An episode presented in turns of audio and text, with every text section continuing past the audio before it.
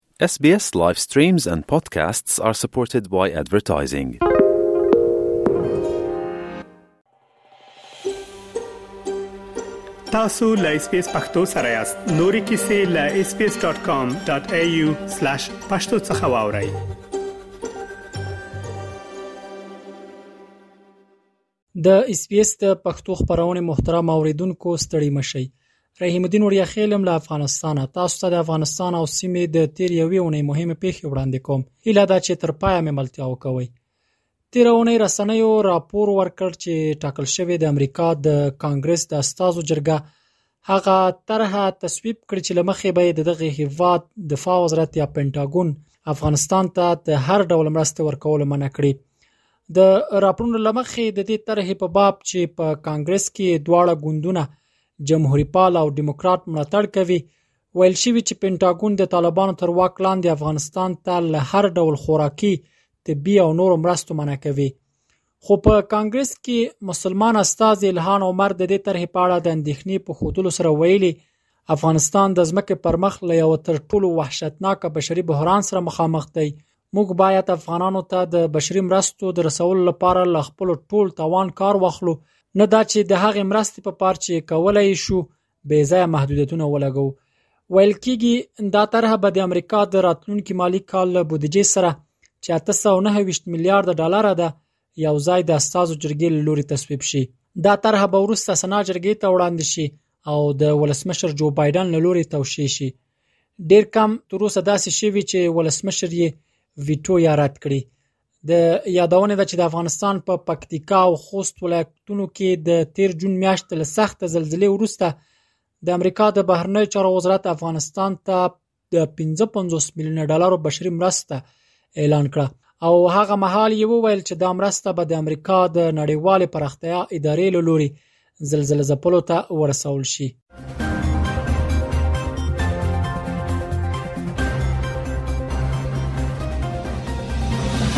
د افغانستان لپاره د امریکا پخوانی ځانګړي استاذ زلمی خلیلزاد تیر اونۍ خبرداري ورکړ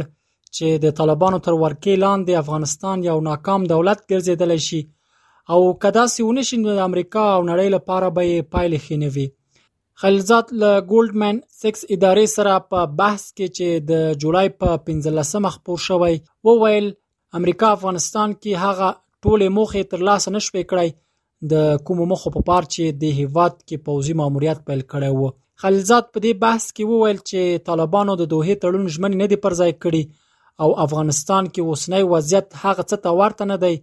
چې دوحه کې پرې هوکړه شوې وه هغه وویل اوس هم د امریکا حکومت ته مشوره ورکوي چې باید طالبانو سره خبرو ته کینی او هغه پروسه بشپړه کړي چې دوحه کې پیل شوی و هغه په دې بحث کې طالبانو ته خبرداري ورکړ چې د ټولشموله حکومت د خزو د حقونو او د انجونو د زده کړو برخه کې خپل تګلارې بدلې نه کړي نو په کور دننه او په نړیواله کچه به له ستونزو سره مخ شي زلمی خلیلزاد د امریکا حکومت په استازیتوب له طالبانو سره تر اوږدو مذاکراتو وروسته د 2020 کال په فبرवरी کې د دوه تړون لاسلیک کړ همدې تړون له افغانستانه د امریکا او ناتو هیوادونو د پوځیانو وتلو او زرګونو طالب بنديانو خوشی کېدو ته لار هواره کړه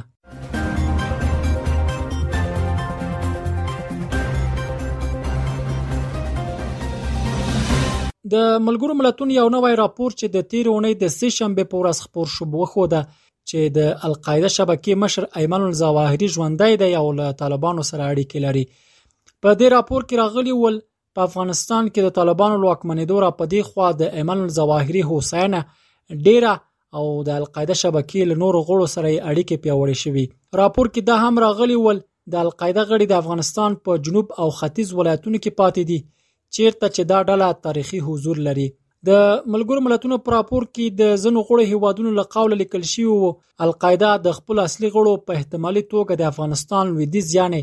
فراه او هرات ولایتونو ته لیږدولی دی. راپور کې دا هم لیکل شوي وو چې دا ډله غواړي د افغانستان په شمال کې یو مرکز جوړ نوی جنګیالي راټول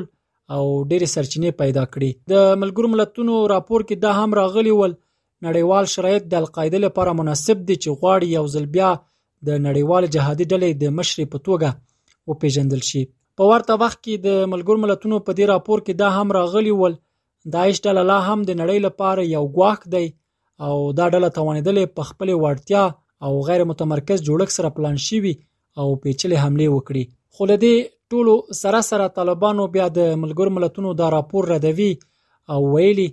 د دې ټولو ادعاو لپاره هیڅ دلیل او سند نشته افغانستان کې داسې مهال د القاعده ډلې د پیوړی کېدو په اړه راپورونه خبرېږي چې لوړاندې دلته داعش ډلې د شتون او غواخ په اړه هم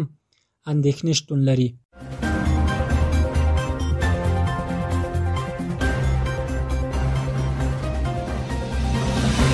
د میټا ټولنیزه شبکه چې فیسبوک او انستاګرام یې برخې دي تیر اونۍ د طالبانو د حکومت د ملي رادیو تلویزیون فیسبوک او انستاګرام پاڼو حسابونه وتړل د دې شبکې مسولانو له امریکا غږ سره په خبرو کې د دې کار لامل د دغو پاڼو له لوري د دوی د تګلارې خلاف محتوا خپرول ښودلي. د میټا ټولنیز شبکې ویلي چې د یو شمېر سیمایزو او نړیوالو متخصصانو سره په دې اړه له مشورو وروسته توافق وکړ چې دا پاڼې تاوتریخوالي ته د دعوت او د مخالفانو د سر پرې کولو له بشري حقوقو څخه د سرغړونې او د ښځو او نورو په ضد د ځپونکو پالیسیو د توجیه کولو په ګډون د خطرناکې محتوا په خپرولو کې دخیلې وې. دغې شبکې همداراز د طالبانو تر کنټرول لاندې د باختر اژانس فیسبوک پاڼه هم تړلې ده. طالبانو بیا د میټا شبکې له لوري د ملي رادیو تلویزیون د پاڼو د بندیدو په خبرګون کې وویل چې د ټولنیزو شبکو تړل او محدودول د ټولو رسنیزو اصولو او د بیان ازادۍ خلاف عمل دی. دوی له دې شبکې د دې پاڼو د بیا فعالېدو غوښتنه کړې ده. د یادونې ده چې د افغانستان د ملي راډیو تلویزیون دغه ټولنیزې شبکې چې په پښتو او دري یې خپرونې لرلې د تېر جمهوري نظام پر مهال ډېرې فعاله شوې وې او میلیونونه لوستونکي او لیدونکي یې لرل خو د طالبانو له راتګ سره بڼه یې تر ډېره بریده د دې ډلې د تبلیغاتو په پار بدله شوې وه.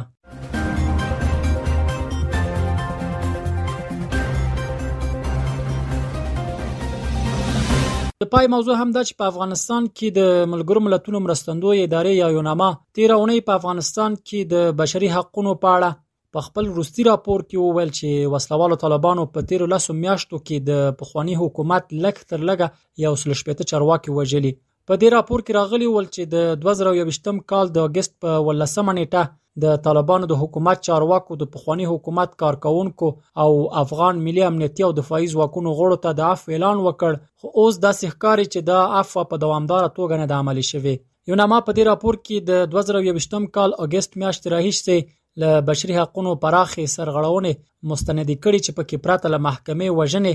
شکنجه او ناوړه چلند پر خپل سر د خلکو توقیف شامل ول. یوناما په دې راپور کې د ښځو د حقونو له منځه وړل د طالبانو د حکومت یو له پامه وړ اړخونو څخه بللی و. یوناما په دې راپور کې تر شپږم ټولګي پورته ښوونځیو ته د نجونو د بېرته نه ستنېدو پرېکړه په دې مانا بللې وه چې د نجونو یو نسل به خپلې دولس کلنې لومړنۍ زده کړې بشپړه نه کړي. یوناما په دې راپور کې اندېښنه ښودلې وه چې د طالبانو د حکومت چارواکي له معافیت څخه برخمن دي او طالب چارواکي باید له بشري حقوقو څخه د سرغړونو پلټنې وکړي د طالبانو حکومت بیا د ملګرو ملتونو دا راپور رد کړ او وی ویل په افغانستان کې بشري حقوقو په نامه د یوناما راپور حقیقت نه لري بلکې پروپاګند دی دوی وویل په افغانستان کې هیڅ ډول خپل سر وژنو او نیونو ته اجازه نشته که څوک په خپل سری ډول وژنې او یا نیونې وکړي